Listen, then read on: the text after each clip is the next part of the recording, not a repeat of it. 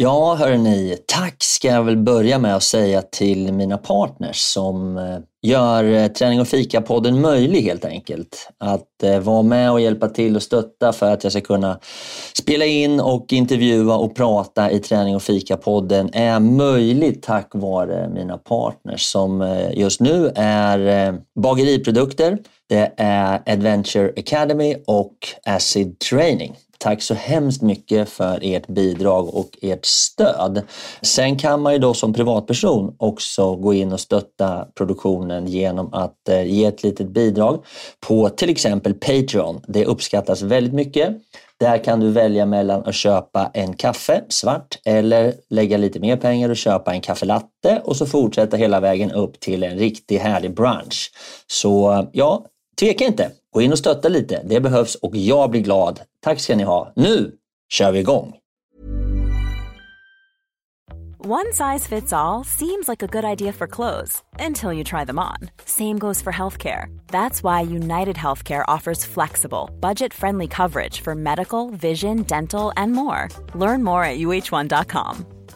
Hey, I'm Ryan Reynolds. At Mint Mobile, we like to do the opposite of what Big Wireless does. They charge you a lot we charge you a little. So naturally, when they announced they'd be raising their prices due to inflation, we decided to deflate our prices due to not hating you. That's right. We're cutting the price of Mint Unlimited from $30 a month to just $15 a month. Give it a try at mintmobile.com slash switch. $45 upfront for three months plus taxes and fees. Promote for new customers for limited time. Unlimited more than 40 gigabytes per month. Slows. Full terms at mintmobile.com. Hey, it's Ryan Reynolds, and I'm here with Keith, co-star of my upcoming film, If, only in theaters May 17th. Do you want to tell people the big news? All right, I'll do it. Sign up now and you'll get unlimited for $15 a month in six months of Paramount Plus Essential Plan on us. Mintmobile.com slash switch. Upfront payment of $45 equivalent to $15 per month. Unlimited over 40 gigabytes per month. Face lower speeds. Videos at 480p. Active Mint customers by 531.24 get six months of Paramount Plus Essential Plan. Auto renews after six months. Offer ends May 31st, 2024. Separate Paramount Plus registration required. Terms and conditions apply if rated PG. Vi är ju vana att sova. Det här kanske inte är så bra för din fru att höra i och för sig. Men vi är vana att sova på marken i ett fjälltält. Trångt och, och ja, knöligt och mysigt och så. Men när vi plötsligt har börjat sova i taktält, då har vi plötsligt jättemycket plats och jätteskönt och det är plant och det är liksom inga kottar eller rötter som ligger och trycker i ryggen, utan det är ju som en säng. Så där, då var det äntligen dags för ännu ett fantastiskt poddavsnitt med mig, Fredrik Eriksson. Du ska känna dig varmt välkommen till Träning och fika-podden. Vi är inne på år två, alltså det här avsnittet har körts ett par eh, avsnitt innan alltså. Så nu är det dags för oss att kicka igång och idag så har jag lyckats få med mig en svinskön tjej som heter Susanna Holmsten.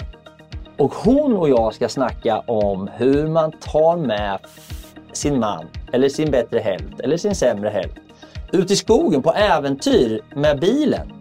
Alltså helt enkelt, vågar man sova på taket ute i skogen själv? Det där ska vi prata om bland annat, och mycket annat. Hon har massa hyss i rockärmen. Så eh, håll i er, nu kör vi igång och varmt välkomna. Fika, vi på. Tärning och fika går ihop som kaffe och popcorn. Tärning och fika, vi kör på. Tärning och fika, blåsa på. Tärning och fika, nu kör vi! Nu kör vi!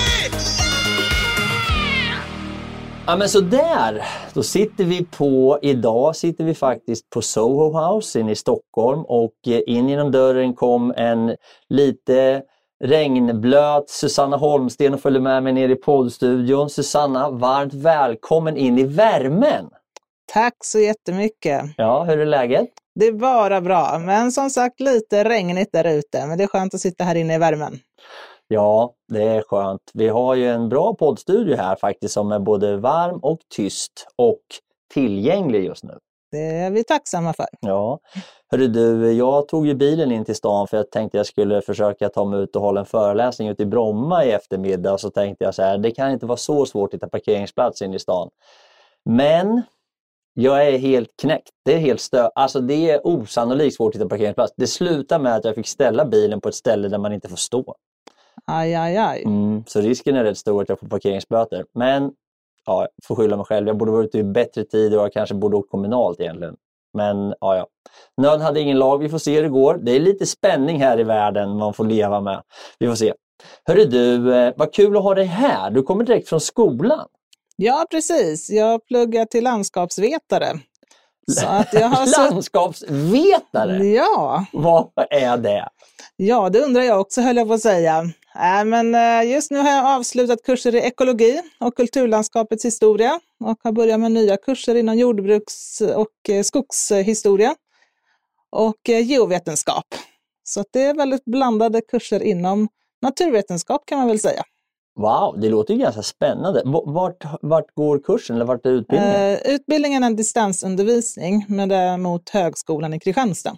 I Kristianstad? Ja, Och vad blir du när du blir klar? Jag blir landskapsvetare.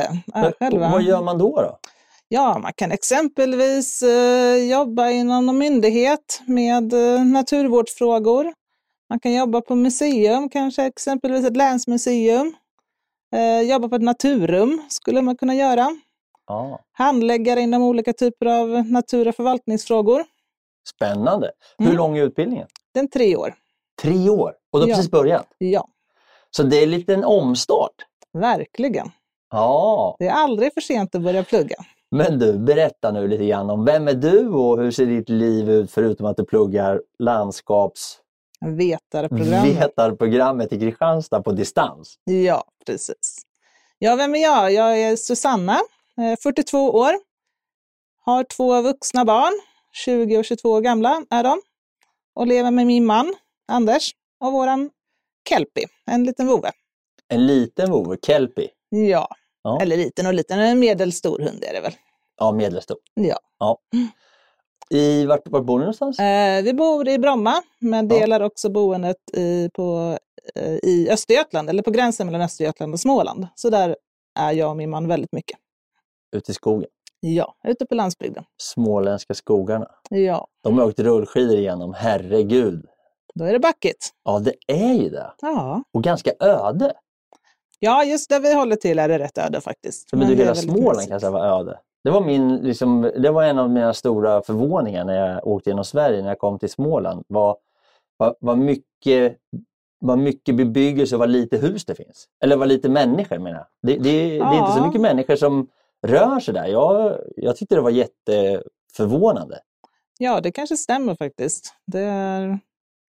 Vi rör oss överallt i Sverige så att jag har sett mera ödsligare ställen än just de trakterna. Ja, men det är lite kul. Vi ska komma tillbaka till det här. Ni är ganska frekvent ute i skogen och tar med i bilen och bor på tak och så här. Det ska vi prata lite mer om. Men du, eh, vi träffades faktiskt på någonting som heter Adventure Academy där du gick förra året va? Eh, ja, eller jag examinerades nu i, i höstas. Ja, Mm. höstas. Vad heter det? Du eh, ansökte och vart antagen och har då gått ett år och eh, varit med under utbildningen och jobbat med ditt äventyr som jag tycker är lite roligt. Kan inte du berätta om det äventyr som du gjorde i somras? Ja, mitt äventyr hette Hand i hand till Arjeplogs högsta punkt. Det är Och det var- sjukt kul tycker jag. Det måste du berätta, vad innebär det där? Ja, men det är ju, jag, jag ville ta med mig min man på det här äventyret och det är ett av våra high points som vi besöker i Sverige. Och det, High points betyder? Vi besöker alla Sveriges kommuners högsta punkter. Och Oj. just Arjeplog var en av de punkterna som vi då ville besöka. Och anledningen till att jag valde att söka mig till Adventure Academy när det gällde just den här punkten var för att den skulle kräva så otroligt mycket. Jaha, Det blev både en lång vandring och en tuff stigning upp till toppen. Så då tänkte jag att då behöver jag kanske lite hjälp och stöd på vägen. Och då var Adventure Academy perfekt för det. men du, oss som inte är superbra på geografi och så vidare. Vart ligger då högsta punkten? För Arjeplog känns ju inte så svårt att ta sig till. Nej, men precis. Samhället Arjeplog kanske inte är så svårt att ta sig till, men det här ligger precis på gränsen till Norge. Så om man tänker sig då från Kvikkjokk Ja. och så drar man ett streck rakt västerut så ligger det precis på gränsen till Norge. Och hur hög är toppen? Eh, drygt 1900 meter. Väldigt hög alltså. Ja, så det är ju inte den högsta punkten i Sverige. Det finns ju många 2000 meters punkter, men eh, ja, trots allt 1900 meter. Ja. Och hur är toppen? Berätta. Ja, det var ju en spännande tur. Eh, vad ska man säga? Det blev lite klättring absolut längst upp. Så att eh, sista 25 metrarna, då, då behövde man använda hela kroppen för att ta sig vidare till högsta punkten. Och upp Men- dit var det vandring egentligen. På vägen upp dit var det ju vandring, men det var också mycket stenskravel. Det var eh, snö, snö vad heter det?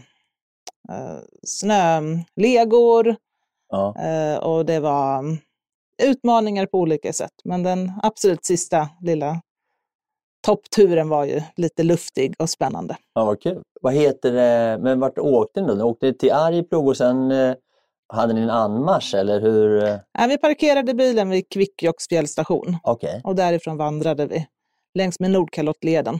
Jaha, Och sen vek vi av Nordkalottleden ut i, i terrängen. var det svårt att hitta? Nej, det var inte svårt Nej. att hitta. Ni behövde inte gå på kompass och sånt? Jo, men det gör man alltid när man är på fjället. Mm. Man har karta och kompass. Och det var vädermässigt? Vi hade en fantastisk tur. Vi var ute i två veckor och vi hade småregn en dag. Sen hade vi lite myggiga dagar och eh, lite mycket andra insekter. Men annars var det en helt fantastisk tur. Ja, och ni, ni bodde i tält? Ja. Precis. Och då är en fråga, hur gick det för din kära man? Det gick jättebra. Han var också nöjd. Ja, då, båda var jättenöjda. Men då kan man ju då, bara för de som inte riktigt har koll på Adventure Academy, så berätta lite grann om, om, om det här året och dina förberedelser och planering inför hur, hur du la upp det här. Då. Vad, är- vad är det som händer då? Ja, under det här äh, året med Adventure Academy så fick man ju pro projektleda sig själv med hjälp av en mentor. Ja, Så man la upp liksom säkerhetsplan, rutten, eh, planerade hur lång tid det skulle ta, la även upp en budget. Eh, Så alla bitar som behövs för att göra ett säkert och tryggt äventyr. vad hade du som mentor? Eh, Jag hade Therese, en Ja. fantastisk person. Härligt! Ja, Ja, hon har också gått Adventure Academy för, för många år sedan. ja. Ja, det är jättekul. Okej, så eh, vad skulle man kunna säga om den här, det här äventyret då? Är det någonting som du kan eh, rekommendera andra att dra sig upp mot Kvikkjokk och Arjeplog eller besöka den delen av den svenska bergskedjan som är väldigt, ligger väldigt nära Norge? Ja, men absolut. Det här, vi gick ju precis på gränsen mellan Stora Sjöfallets nationalpark, nej förlåt, Sarek och eh, Padjelanta. Ja, Så vi gick eh, till viss del inne i Padjelanta också, men precis på yttergränsen. Men det är en fantastisk natur där uppe. Och inte alls så mycket besökare som det kanske är i andra fjälldelar eller fjälltrakter. men är det ledat och stigat och så eller? Ja, precis. Nordkalottleden är ju ledad, Mm. eh, också med stugor. Eh, Ja, med stugor också. Ja, men precis. Obemannade eller? Eh, när vi var där så var stugorna inte öppna. Eh, de skulle väl öppna någon vecka efter tror jag att vi skulle passera. Men längs med Padjelanta-leden så var stugorna öppna. Hur var vandringen då? Jo, men jag tycker nog inte att den var så jättetuff egentligen. Eh, Men det är klart, lappländsk natur, fjällnatur är ju högalpint. Mm. Det får man inte glömma. Hur långt gick ni per dag? Eh, mellan 10 och 15 kilometer per dag. Ja, och hur mycket hade ni med er? Eh, I packvikt, ja, vi hamnade på runt 23 kilo per person. Ja, och då hade ni med er mat och Ja, vi hade mat och eh, ja, all utrustning. Men mat hade vi för 18 dagar. För att vi tänkte att ifall vi inte har möjlighet att göra toppturen den dagen vi kommer fram till basecamp, då måste vi vänta in vädret. Men vi hade tur att vi kunde göra toppturen. Så ni kom dit, slog upp tältet, gick upp nästa morgon? Ja, vi hade inte planerat så faktiskt, utan vi skulle upp och leta efter en bättre basecamp. Men när vi väl kom upp till den platån där vi tänkte här ska vi slå läger, då, då hade vi ett alternativ och det var på grund av vädret och det var nu gör vi toppturen. Och då var klockan tio på förmiddagen så att det var ju inte kanske den absolut bästa tiden att dra iväg egentligen. Det hade varit bättre att dra iväg tidigare på morgonen Mm. så att man verkligen kunde utnyttja hela dagen. Men eh, vi var tillbaka till ryggsäcken när vi klockan fyra på eftermiddagen, så det gick faktiskt väldigt bra. Vilken attack! Ja. Så att, Var det jobbigt då? Eh, jo, men det är klart vi gjorde ju ett par hundra, jag kommer inte exakt ihåg hur många höjdmeter vi gjorde på samma dag. Men eh, ja, det var ju uppför hela, hela vägen. Vart, vart blir man sliten någonstans tycker du? Vart, vart tar det emot? Vart får man ont? Vart blir det jobbigt någonstans? Det är på vägen ner, då är det knäna som tar mycket stryk. Då hade ni ändå packat av er. Ja, ja, vi hade bara en dagspackning med oss med, med eh, enklare mat och eh, snacks och vatten förstås. Ja, vad härligt, det låter ju fantastiskt. Ja, Eh, har du eh. varit mycket uppe i den svenska fjällvärlden tidigare? Eh, jo, men jag har varit en hel del. Uh, utbildar mig också till fjällledare genom Friluftsfrämjandet. Så jag är snart klar fjällledare också. Så jag har varit Underbart. uppe en hel del. Vad heter det du, eh, hur många sådana här landskap och toppar har ni kvar då? Eh, nu har vi 11 kommuner kvar. Elva kvar. Ja, precis. Och vart eh, ligger de? Det finns ju vissa som är lättare och vissa som är lite svårare. Ja, det är några stycken uppe i norra Sverige. Eh, och det är ju Kiruna då, men det är Kebnekaise. Så den har vi sagt att den tar vi som en final. Underbart! Ja, och sen har vi Gällivare, Jokkmokk, Lycksele, Åsele. Det är väl de nordligaste vi har kvar. Sen Ja. har vi faktiskt Gotland kvar. Så det har inte bara blivit av att vi har tagit oss dit. Gotlands högsta punkt. Det ligger ute på Lojstahed, runt Gör det? 80 meter över havet. 80 meter! Det blir ett äventyr! Det blir ett äventyr. Ja, vad har ni mer kvar då? Ja, sen har vi faktiskt en liten, liten kommun kvar som heter Hammarö, som ligger precis eh, söder om Karlstad kommun. Och anledningen till att vi har kvar den, är att den där toppen ligger på en ö. Så att det blir liksom en annan, en annan utmaning jämfört med kanske Ligger den långt ut eller? Nej, några hundra meter om jag inte minns fel. Ja. Men vi måste fortfarande hitta ett sätt att ta oss ut till den här ön och det är massor med små stugor på ön så man kan inte lägga till hur som helst med en liten kajak eller kanot eller vad vi nu kan få tag på. Alla toppar har sina problem. Ja, Hörru du, jag som inte riktigt har koll på läget. Hur många, hur många, ni har 11 kvar och hur många har ni gjort? Och hur många finns det alltså? eh, det är 290 kommuner i Sverige. Åh herregud! Ja, så att eh, ja, Då har det alltså varit i Örebro kommun. ja. Kommer du ihåg det? Eh, Örebro kom jag inte ihåg rakt upp och ner så här faktiskt. Herregud, det men, måste ju varit en av de absolut bästa upplevelserna. men däremot i Örebro län så Ja. är ju Kindlehöjden en otroligt fin plats. Så den ligger i. Lindesbergs kommun. Ja. Och så var det väl uppe i Kilsbergen kan jag tänka mig någonstans och jiddra runt, eller? Ja, men det känns bekant. Ja. Eh, Du ser, man börjar blanda ihop alla platserna tyvärr. Storstenshöjden? Nej, det känns inte kanske bekant. högsta. kanske inte den högsta. Jag borde kunna min Närke, min, min Närke Jag lovar, jag ska ta reda på Ja, vi vilken måste punkt det reda är. ut det här. Ja, men vad härligt! Det låter väldigt spännande och jag eh, önskar er lycka till med de sista 11 topparna då, och kommunerna, eller l- eller länen. Eller Nej. Kommunerna. Nej, ja, nej, det blir spännande. Jag ska Mm. följa er ända in i kaklet. ja, det är fint.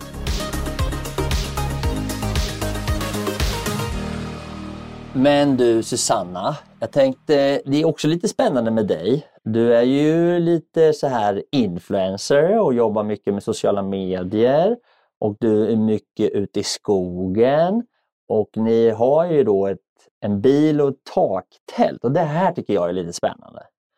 Ni har ju vuxna barn så ni kan ju göra lite grann som ni vill förmodar jag. Jo, precis. Eh, när barnen blir stora så har de hittat andra intressen och andra sysselsättningar. Även om båda faktiskt är väldigt intresserade av natur och skog. Så att det ska jag inte säga någonting om det. Så äpplet och äppelträdet funkar.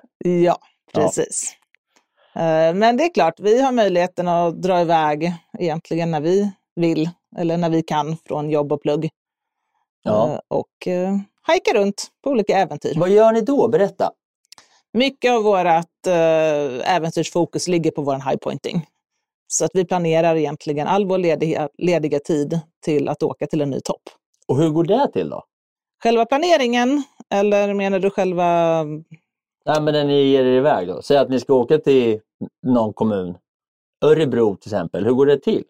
Då sätter ni bilen eller hur gör ni? Ja, precis. Packar ihop det vi behöver. Mat och sovsäckar och...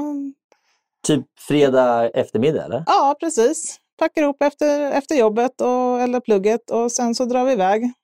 Så liksom det är Hitta bara... någon plats helt random. Vi Ja. planerar liksom inte så mycket vart vi ska parkera och sova, utan det märker vi när vi nu. kommer vi- dit. Så här, på, ni har ju en vanlig bil, en kombi eller? En Subaru Outback kör vi. Ja, det är lite äventyrlig bil alltså. Lite äventyrlig Ja, bil med riktigt bra däck. Ja, schysst.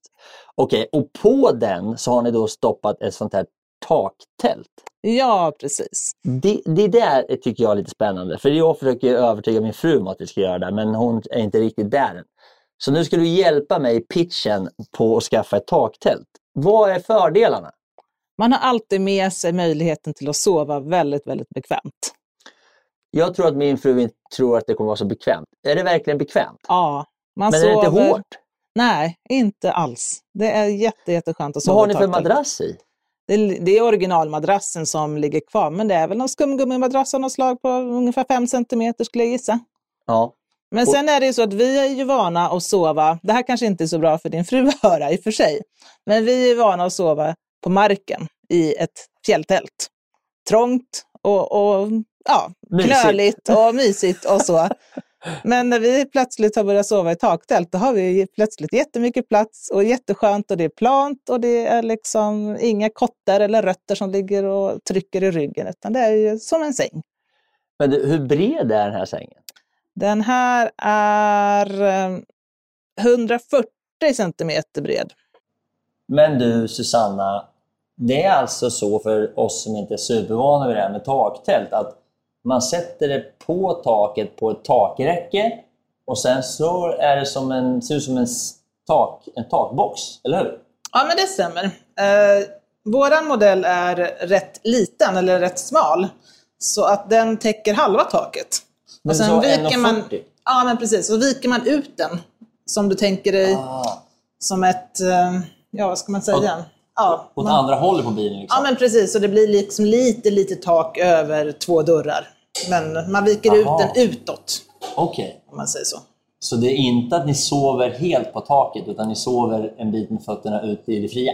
Ja, men så kan man säga. Ja, fast Ja. inte i det fria. Och stegen upp till taktältet är ju själva stödet för det som är utanför bilen. Aha. Kanske lite konstigt förklarat. Ja, men alltså, nej, men jag, jag, vet, jag har sett en sån. Eh, så så det, är liksom, eh, det är egentligen då eh, också... Har ni täckt, täckt neråt så att ni kan ha grejer där nere? Eller? Nej, det har vi inte. Och det är ju lite knixigt när man är ute med taktältet när det är dåligt väder. För vi har ju egentligen ingenstans att vara då. Utan antingen är man ju uppe i tältet eller så är man i bilen. Men det finns ju inget tak som man kan stå under Nej, just det. Med anledning för att den inte är så, så, stor. Och det som är fördelen med våra tält tycker vi i alla fall är att man kan till exempel få med sig en cykel eh, på sidan på tak, takräcket. Ja, just det. Det finns plats bredvid er. Ja, Och det är också skönt såklart. det är väldigt bra. Men du, är ett sånt här taktält dyrt eller? Nej, det, det kan jag väl inte tycka. Vi fick tag på ett eh, genom en friluftsbutik i Borås som heter Vildland. Ja. Så det är Thule som är tillverkaren för det här. Hur länge har ni haft det? Vi har haft det ett par år. Ja. Och det håller? Ja, absolut. Ni är nöjda? Väldigt nöjda. Ute året runt med det. Är det sant? Japp. Men hur gör ni på vintern då? Då har man bara med sig en lite varmare sovsäck. Du låter ju så jävla hurtfrisk. Det, men, men du, okej nu säger vi så här att, att eh, jag som är 50 plus, ibland så vaknar jag på natten och behöver gå på toaletten. Hur, hur liksom, när det är så här minus 10 grader, då är det inte skitkul att stövla ut där och liksom... Eh, Nej, men egentligen blir det ingen skillnad att sova i ett eh, tält på backen jämförelsevis att sova i ett taktält. Du måste ju ändå ut ja, och göra dina behov helt enkelt. Så att, eh, ja. men eh, det är ju nästan enklare att sova i taktält för du får ju inte in snön på samma sätt som du får in i ett tält när du öppnar duken och det ligger en halv meter snö utanför. Nej, precis. Men det kan ju ha i en apsid då, som vi kan ställa grejer och så vidare. Ja. Men, men samtidigt så, så jag förstår ju hela, jag förstår tjusningen i det och det är liksom mysigt där uppe kan jag tänka mig. Det är väl, du kan sitta där uppe i alla fall, eller? Ja, absolut. Det är sitt höjd.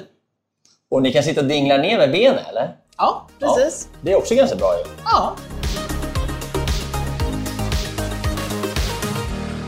Men du, eh, om man nu skulle liksom då göra det här, hur, hur går det till då? När ni, när ni kommer ut så hittar ni någonstans att ställa bilen så slår ni upp tältet. Och sen så tar ni med er sovsäckar då upp, eller? Ja, vi brukar ligga på en uh, ullfilt som vi lägger under. Eftersom vi har hunden också så eh, behöver han ju ha någonstans att ligga och värma sig lite. Så då blir ullfilten väldigt, väldigt bra. Så han får följa med upp. Han får inte vara i bilen. Nej, då han sover tillsammans med oss. Vad mysigt. Ja, då. Okej, och då så har ni käkat kvällsmat innan eller? ja precis. Man Ja. har gjort allting och borstat tänderna och, och Så kryper ni upp där i varsin sovsäck och myser med lilla hoven. ja. Ja, och sen då, sen när ni vaknar, Vad gör ni då? Ja, men då plockar vi ihop, äter frukost, plockar ihop tältet. Äter frukost, det låter ju så lätt då. Men då, då går ni och sätter er i bilen och käkar frukost? Eller Nej, det brukar vi inte göra. Utan då bruk, vi brukar, eller vår standardfrukost är havregrynsgröt Ja. och någon typ av sylt till. Ja. Och det brukar vi tillaga med ett eh, stormkök. Men inte uppe i, i? Nej, nej, det brukar vi göra i bakluckan i så fall. Ja. Eller ute då förstås. Ett stormkök har vi ju aldrig i bilen, utan det får ju vara Ja. på backen. Ja. Eller på ett litet bord. Ja, just det. Så ni har med lite grejer i bilen. Det finns ju en del plats i bilen då såklart. Ja, Man har ju med sig det mesta uppe i tältet. ja Och man precis. behöver inte bädda och greja så mycket utan det är bara liksom att slå upp det där tältet, eller? Ja, egentligen är det bara att slå upp det och sen lägga ut uh, ullfilten och sen uh, sovsäckarna. Och sen lyxar vi faktiskt till det med kudde när vi sover i taktält. Det har vi aldrig när vi sover i vanligt tält. Men just taktält, då har vi med oss kudde. Det låter ju bra. Jag behöver ha fler såna här lyxargument Ja. till, min, till min fru. Det finns ju mycket plats i bilen så att man kan ta med sig det ena Eller och det andra. Och mat. Har ni såna här kylboxar och såna här grejer också? Nej, Nej. det har vi faktiskt För inte. det har man faktiskt plats med när man sover Ja, vi har funderat på det fram och tillbaka. Ja. Men eftersom vi ändå är vana att vara ute på fjället där man inte har möjlighet till eh, kylvaror så anpassar vi mycket av vår friluftsmat att den håller i bilen ändå. Konserver eller torr mat och, och sånt. Ja, just det. Men du, om man skulle tänka så här då? Om du skulle ge några, så här, vad ska man tänka på då? Om man, för nu kan ju ni ta en, ni är ju inte någon stor husbil som är ute och laddar runt, utan ni har ju en ganska liten bil. Vad finns det för saker man ska tänka på för att man inte ska skapa oreda eller hur man ska tänka för att hitta rätt ställen och göra så att det inte blir för stökigt eller för svårt eller att man irriterar någon? Eh, Det som är viktigast att tänka på det är ju regelverket kring att sova ute. I vissa naturreservat är det inte godkänt att sova till exempel och då måste man respektera de reglerna. Eh, och samma sak, eh, man kan inte köra ut hur som helst i terrängen även om bilen klarar av det till viss del. Där är det olika lagar och regler som styr, så självklart inga sådana saker. Och vad gäller då? då? Nej, men du får inte ställa bilen hur som helst i terrängen, utan du måste ju stå kanske på en väg. Eh, Vi brukar till exempel eh, hitta skogsvägar eller avverkningsvägar. Så brukar vi parkera kanske vid en vändplan. Långt in i djupaste skogarna. Ja, just det. Så även om du skulle hitta en liten sån här stig och bilen ser ut att kunna åka in där så får du egentligen inte ställa dig där? Nej, nej, då skulle vi aldrig köra in. Inga, inga sådana ställen, utan vi står ju fortfarande på vägar som finns på. Men du vet om att det finns en debatt om det här med taktält och hur folk beter sig och vart de tycker Jo att de ska tälta? jag har läst det på forum och räknas taktält som husbil eller räknas det som tält eller räknas det som något annat? Ja, det är väldigt mycket diskussioner kring det. Men det kan väl inte räknas som tält i alla fall? Eller? Ärligt talat så har inte jag exakt tagit reda på vad gränserna är, vad det räknas som. Eh, Däremot så parkerar vi alltid på, på till exempel vägar eller vändplaner där det fortfarande finns möjlighet för timmerbilen att komma fram. Ja, just det. Så att vi, står, vi parkerar på ställen där att vi vet att man inte står i vägen. Ja, just det. En gång stod vi faktiskt, när vi var nere i Bohuslän, eh, på Hönö, då fanns det inga platser att ställa sig på, så då parkerade vi på en sån ställplats för husbilar. Eh. Ja. Vi såg rätt roliga ut med våra taktält jämfört med de här jättestora fina husbilarna som stod på rad. Så Men det är ju faktiskt en, en hus. Det är en bil och ett litet hus. Ja, Ja, så det blir husbil. så eh, grannarna skrattade åt oss när vi packade ihop där och grejade. Ja, fast det är ju härligt. Ja, Ni är ju liksom superflexibla. ja, ja. ja. Sover ni bra i det då? Mycket bra. Man sover jätte, jätteskönt. Men blir kan, kan man liksom, det är ändå bara tältduk sådär? Eller? Ja, det är tjockare, det kan man säga. Det är nästan som markisaktigt, eller väv kan man väl kalla det det som man slår upp? Liksom. Ja, så, Så det det håller tjockare. även om det skulle regna och sådär, eller? Ja, ja, absolut. Men när vi var i um, norrut, nu minns jag inte exakt var det var någonstans, Eh, men då började det blåsa rätt rejält så att vi var tvungna att gå ut och ta ner liksom, delar av taket. Oj! För att vi var rädda att det skulle blåsa sönder. Så att, eh, Om man tar ner delar av taket, då finns det risk att det inte är så mycket tak kvar. Nej, men det kan man säga, det är som två tak på det. Det ena är liksom en del av själva det tjocka markisväven och sen går det ut som en lite tunnare tält, vad ska man säga, tunnare nylontyg utanför det här. Och det var Okej. det vi tog ner just för att det blåser så rejält. Men det höll Det höll bra. och ni kunde sova vidare. Ja, vi väntade in att, eh, att stormen gick förbi. Eller storm kanske det inte var, men det blåste rejält i alla fall. Så att, eh, sen kunde vi krypa upp och sova. Härligt. Hörru du, eh, jag tänkte också höra lite grann, eh, när du är klar med de här 11 kommunerna så småningom här då. Det kan väl inte ta allt för lång tid gissar jag. Men eh, vad ligger i...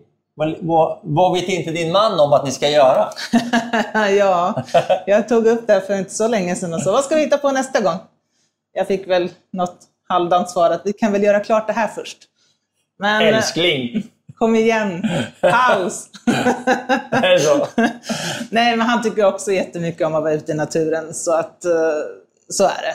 Men, Ja, men, jag är eh, väl hjärnan bakom många av våra äventyr, så kan man Ja, väl vad, säga. vad, vad har du för dröm då? Alltså någonstans så har jag väl någon tanke att det skulle vara kul att besöka världsarven i Sverige. Oj. Så att eh, det finns väl någon sån tanke. Det skulle vara kul att, besöka de olika. Hur, hur många världsarv har vi i Sverige? Vet du det? Är det inte 17 stycken om jag inte, inte minns helt fel, men jag kan vara helt ute och cykla. Ja, det tror jag säkert inte. Jag kan det inte. Kan du berätta om vad är det för typ av ställen som ingår i våra världsarv? Eh, ja, men vi har ju massa olika typer av världsarv. Eh, exempelvis så har vi ju Meridianbågen uppe i Tornedalen. är ett av våra världsarv. Laponia är ett annat världsarv. Eh, sen har vi uh, Grimetorns radiostation nere på Nej. västkusten är också ett världsarv. Jaha. Så det är ju både natur, hur ska man säga, områden i natur och eh, kulturella byggnader eller Verkligen. platser. Så att, Så 17 sådana ska betas av alltså? Ja, vem vet? Det vore ju kul. det vore kul ja, kanske. men det är jävla, tycker jag. Kanske lite koppling till det jag faktiskt studerar också eftersom jag pluggar till landskapsvetare så kan det vara kul att få in Ja. ett kulturellt perspektiv på sina resor Ver- också. Verkligen. Och, och men möjlighet att och också fortsätta din eh, Sverige-turné. Jag Ja, måste säga att jag är imponerad över din eh, ihärdighet när det gäller att resa runt i Sverige. Ja, jag tror att vi är rätt unika med det faktiskt. Ja. Vi har nog sett väldigt många platser, många fler platser än många andra har gjort faktiskt. Men du, jag har ju då åkt rullskidor från Karesuando till Smygehuk. Ja, det är så mäktigt. Ja, tack. Men det var ju fantastiskt. Och då åkte jag igenom Sverige. Och det är såklart att det blir skillnad när man kommer åkande som jag på rullskidor själv utsatt och sliten och trött och sådär. Och och folk är superglada och trevliga och vill hjälpa till och bjuder in och, och bara jättegulligt var. Över hela Sverige faktiskt. Det var ingen skillnad. Wow. Ja, det var verkligen fantastiskt. Men om, om du då utifrån ditt biläventyrande, takboende skulle... Så här, skillnader runt om i Sverige, hur ser du... Har, vad har du märkt av? Någonting måste du ha märkt. Vi träffar ju inte så ofta människor. Eh, För vi är ju rätt ofta ute liksom i områden som ligger helt utanför tätorter eller Ja. byar. Men det är klart att vi möter på folk ibland, men då gör vi oss till känna. Så vi har ju tänkt att det är bättre att fråga om vi kan parkera till exempel på någons gårdsplan Ja. istället för att gå 10 kilometer extra. Eh, Vi har liksom talat om vilka vi är, bara för att inte folk ska undra. Men vi har också blivit uppringda flertal gånger när vi har ställt oss helt lagligt. Eh, Men folk har undrat varför vår bil står mitt ute på en öde grusväg i djupaste skogarna någonstans. Ja, ja. Så har folk sant, ringt alltså. och undrat vilka vi är. Ja, har vi de har alltså kollat upp bilnumret Ja. och sen sökt upp er och tagit kontakt och undrar varför. Ja. Det är helt otroligt. Ja, några har trott att bilen har varit stulen. Så de har bara ren, ren välvilja velat eh, fråga. Eh, andra har varit mer oroliga för andra saker. Ja. Men du, eh, om man nu tittar miljö, på, på miljön ut efter Sverige så är det ju ganska stor skillnad däremot från norr till söder, eller hur? Verkligen. Där man har ett eh, helt annat landskap uppe i, uppe i fjällvärlden och sen så kommer man till skogarna, bland annat då i de djupa skogarna i Småland och Bergslagen och så kommer man ner till, till åkermarken och, och eh, liksom Skåne eh, som är väldigt annorlunda. Om man tittar, liksom, är du en fjälltjej eller är du en skogstjej eller är du liksom en stig? vart, eh, om du fick välja nu då, vart skulle du vilja ta vägen? Om du ska ge någon rekommendation till någon som vill... När det gäller highpointingen så tycker jag absolut att man kan ta sig över hela Sverige. Det har ingen betydelse för nat- naturen i Sverige är helt fantastisk. Allt från slätterna till fjällen. Men sen är ju mitt, mitt hjärta bankar lite extra för fjällen faktiskt. Varför då? Men det är något visst med de här äh, vyerna och eh, de här äh, bergen och, och snöfälten och allt det här. Och den här karga naturen som finns där. Att det finns liv som, De små krumma björkarna. ja, eller liksom... De pinade björkarna, de stackarna. Ja, men att vissa blommor kan liksom växa upp mot 1500 meters höjd. Det är hur mäktigt som helst. Men det här med befolkning då, eller eh, turism och sådana här saker i fjällvärlden, det är en ganska stor debatt. Både gällande renarna och samerna, men också genom att eh, det kanske inte kommer vara li- lika enkelt och tillgängligt genom STFs nedstängningar av vissa av deras stugor och verksamheter uppe i fjällen. Och så här. Hur, hur ser du på en sån sak som har varit rätt mycket i fjällen? ändå? Ja, men det är jätteviktigt att vi alla värnar om den naturen som finns där och den kulturen som finns där. Så vi måste respektera samernas kultur och deras sätt att leva, tycker jag i alla fall. För mig är det otroligt viktigt. Eh, Jag är också väldigt nyfiken på den kulturen, så när vi har möjlighet att träffa personer med samiskt påbrå, som vi gjorde i somras när vi var på vår Arjeplogstur, Ja. så var det fantastiskt att sitta och lyssna på hennes berättelser och eh, hennes kunskap om området. Så det tar jag till mig. Vad sa hon då? Nej, men hur, hur renskötseln fungerade och hur liksom människorna har levt på de här platserna under många, många år. Ja, allt möjligt inom liksom rennäringen och, och samekulturen. Men finns det ingen oro för dig som gillar den här miljön så pass mycket att den, att den blir svårtillgänglig och, och, och stängd i vissa lägen? Svårt att säga någonting om det självklart, men eh, man måste, så länge man liksom tar hänsyn till varandra kan jag tycka, så, så måste man kunna hitta platser att vara på. Men så som det ser ut idag, jag kan ingenting om den här debatten som har skett, särskilt i Jämtland, eh, så där vill jag inte gå in och säga någonting egentligen. Men däremot vet ju i alla fall jag att just det området är väldigt känt för många fjällvandrare att ta sig till. Ja. Och det finns andra platser i Sverige som är lika bra eller ännu bättre. Till Som- exempel Arjeplog. Till exempel Arjeplog. Vi mötte, jag tror vi mötte liksom fem personer på två veckor. Ja. Och då är det ändå inte så svårt att ta sig dit med, Nej. med, med liksom, äh, färdmedel, alltså kommunalt och även med bil och sådana saker. Nej, det är nej, nej, omöjligt. precis. Och vi har varit liksom ett ställe som heter Offerdalsfjällen som också ligger i Jämtland, fast Ja. i norra delen av Jämtland, eh, där vi besökte Krokoms kommuns högsta punkt. Vi mötte inte en kotte på fem dagar. Helt magiskt vackert och otroligt fin natur. På alla möjliga olika sätt. Men nej, där finns ju inte butiker, eller restauranger eller service. Utan där är man ju helt ut, ute, utlämnad till naturen. Så man måste ju veta vad man gör när man kommer ut i de områdena. Ja. Det tror jag är en av anledningarna till att eh, det är så många som åker till exempel till Jämtlandstriangeln för att det är relativt enkelt, tillgängligt och eh, man behöver inte ha så himla mycket kunskap kanske för att ta sig ut i Nej, fjällen. det kanske är så. Det, det är lite synd också för att man ska fortfarande förstå att när man går ut i fjället så måste man ha någon typ av grundkunskap kanske, eller tänka till lite hur man ska bete sig. För plötsligt kan ju dimman komma in, plötsligt kan det komma en snöstorm. Man vet aldrig vad som händer. Du blir kall, du blir utmattad, du blir trött.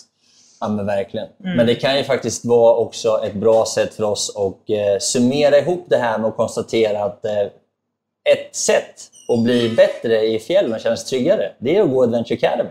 Eller hur? Ja, men precis. Där lär man sig jättemycket. Eller man får hjälp till att våga ta sig ut på sitt drömäventyr. Ja, men det är underbart. Hörru du Susanna, stort tack för idag. Tack för att du var här. Och jag ska försöka då få min fru att lyssna på det här, så snart så kommer vi stå där på en väg med taktält hoppas jag. Heja, heja! Fler taktält åt folket! Underbart. Kram, kram! Kram, kram! Tack för att jag fick komma.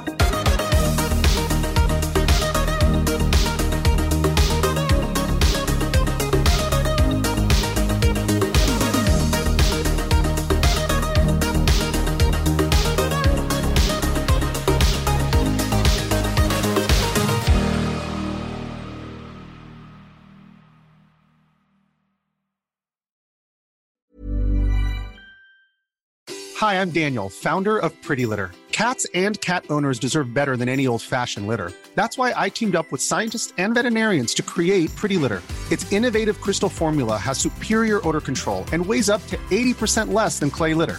Pretty Litter even monitors health by changing colors to help detect early signs of potential illness. It's the world's smartest kitty litter.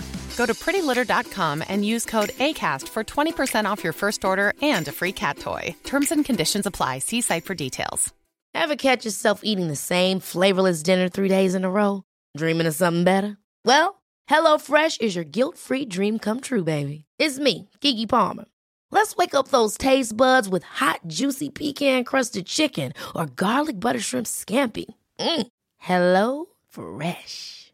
Stop dreaming of all the delicious possibilities and dig in at HelloFresh.com. Let's get this dinner party started. Even when we're on a budget, we still deserve nice things. Quince is a place to scoop up stunning high end goods for 50 to 80% less than similar brands. They have buttery soft cashmere sweaters starting at $50, luxurious Italian leather bags, and so much more. Plus, Quince only works with factories that use safe, ethical, and responsible manufacturing. Get the high-end goods you'll love without the high price tag with Quince. Go to quince.com/style for free shipping and 365-day returns. Det var allt för den här gången hörrni. Och jag tänkte avsluta lite kort med att återigen tacka mina fantastiska partners och sponsorer som är Bageriprodukter, Acid Training och Adventure Academy. Och eh, återigen, har du en krona över eller är helt enkelt sugen på att bjuda på en kaffekopp så gå in på min Patreon och eh, köp en kaffe, en kaffelatte eller en hel brunch så kan jag fortsätta spela in podden, producera nya härliga avsnitt och eh, fortsätta att underhålla dig. Hoppas du har haft en fin lyssning och att vi snart hörs igen. Tack så mycket. Hej då!